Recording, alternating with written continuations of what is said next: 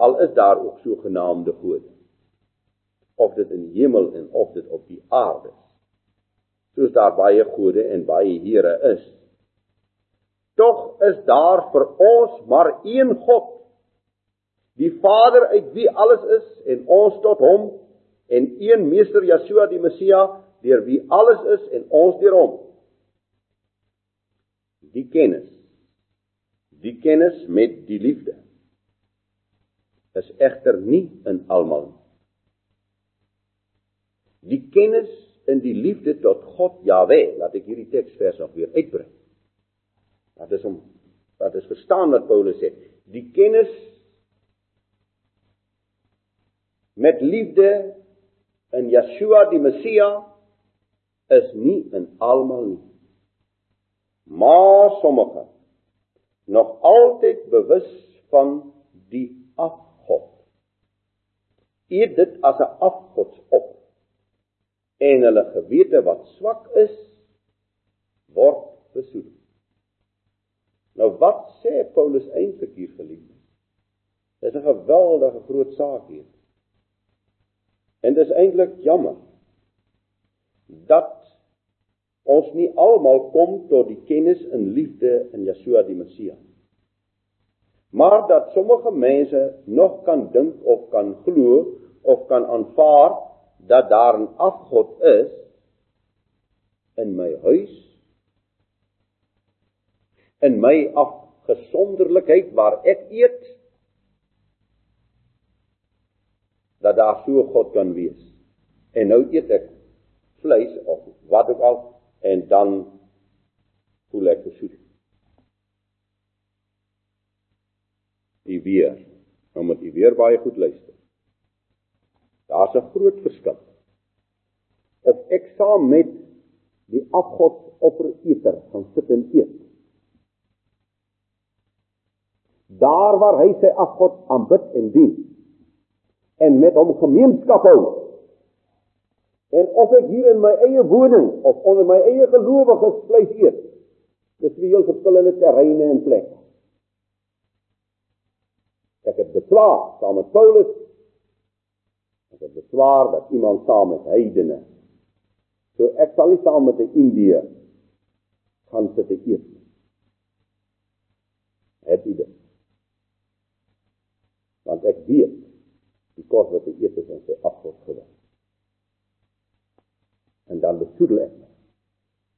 Maar wanneer ek vleis in my eie gemeenskap en tussen my eie mense of in my eie huis eet, Daar bestaan daar vir my geen afgod of ander god nie. Daar bestaan nie so iets vir my nie. Ek is nie vermoeid met hom nie. As ek vleis aan my tafel het of kos op my tafel het, dan dank ek en eer ek my God. En ek geniet dit in sy teenwoordigheid. Ek wil nou sommer so 'n bietjie snaaks wees. Wie sê vir die mense wat so goedjies koop in die winkel? Op die een hoender is daar 'n chappie en op die ander hoender is daar nie 'n chappie. Want die winkelier het besluit ek sit so 500 hoenders uit. Hulle kom maar van dieselfde boer af. Hulle kom deur dieselfde slagpale. En so 500 is halal tekens op en 500 is nie halal tekens nie. Ek moet nou nie vir my die strooi storie wil kon vertel dat die priester van die Islam geloof dat hy nou sy seun gaan uitspreek oor elke hoender wat nou op die mark kom. Ek meen dis nou heeltemal onmoontlik om dit te begryp. So ons moet uh, geliefdes ons moet uh, ons moet die dinge in perspektief sien. Ons moet dinge reg sien. Dan sal ons nie belemmerd word nie.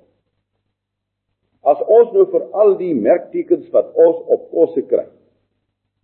Nou moet beginne ons gewetes daaroor laat aankla en sleg voel, waar gaan ons beland? Ek weet van mense wat toe die dominee se preek nou oor die halal teken in die land in is, hulle nou afgodsoffers en kos in hulle huis. Het party mense, ek weet nie hoeveel hoenders uit hulle vrieskaste gaan haal en weggegooi nie of vir die bediende. Water weggegooi. Vir hoekom? Omdat daar 'n chap op die papier sit. Mens ignoreer dit. Dis nie deel van ons leefwyse nie. Dis nie deel van ons uh gelowige volk nie. So kom ons kom by hierdie kennis waarvan Paulus skryf. Die kennis is egter nie in almal. Nou hoekom is die kennis dan nie in almal nie? Die kennis van die liefde tot God Jahwe. As daar vir my net een almagtige is en ek het die kennis tot hom. En nou moet 'n man nie vir my kom sê ja, maar Daniël het die kos geweier van die koning se tafel. Maar dis weer binne 'n ander vreemde land. Dis weer aan die koning se tafel.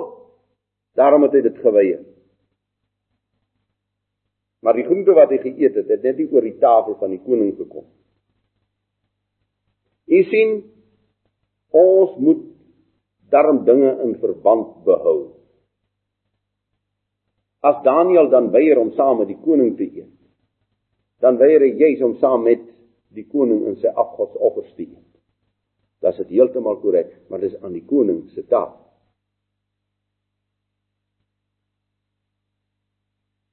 Hoekom het ons almal nie die kennis tot God nie, die liefde tot God nie, die verbondenheid tot God nie? Dat ek aan hom behoort siel, gees en liggaam en dat ek die gawes van die aarde geniet wat hy tot my beskikking stel. Ek wil vir u vra en ek wil ook vir die wat bekommerd is dan vra.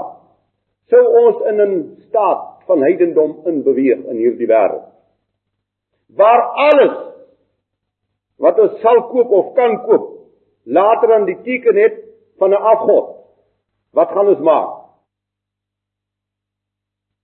En moenie dink dis onmoontlik wat ek nou vir u uitspel nie. Dat dit onmoontlik is dat dit kan gebeur nie. Dit kan gebeur dat elke stukkie kosvoorraad wat in hierdie land aan ons bedien kan word en wat ons tot ons beskikking kan kry, gemerk is deur die anti-kristelike magte. En dan, nou wat maak ons dan? Nie daar bestaan geen ander God nie.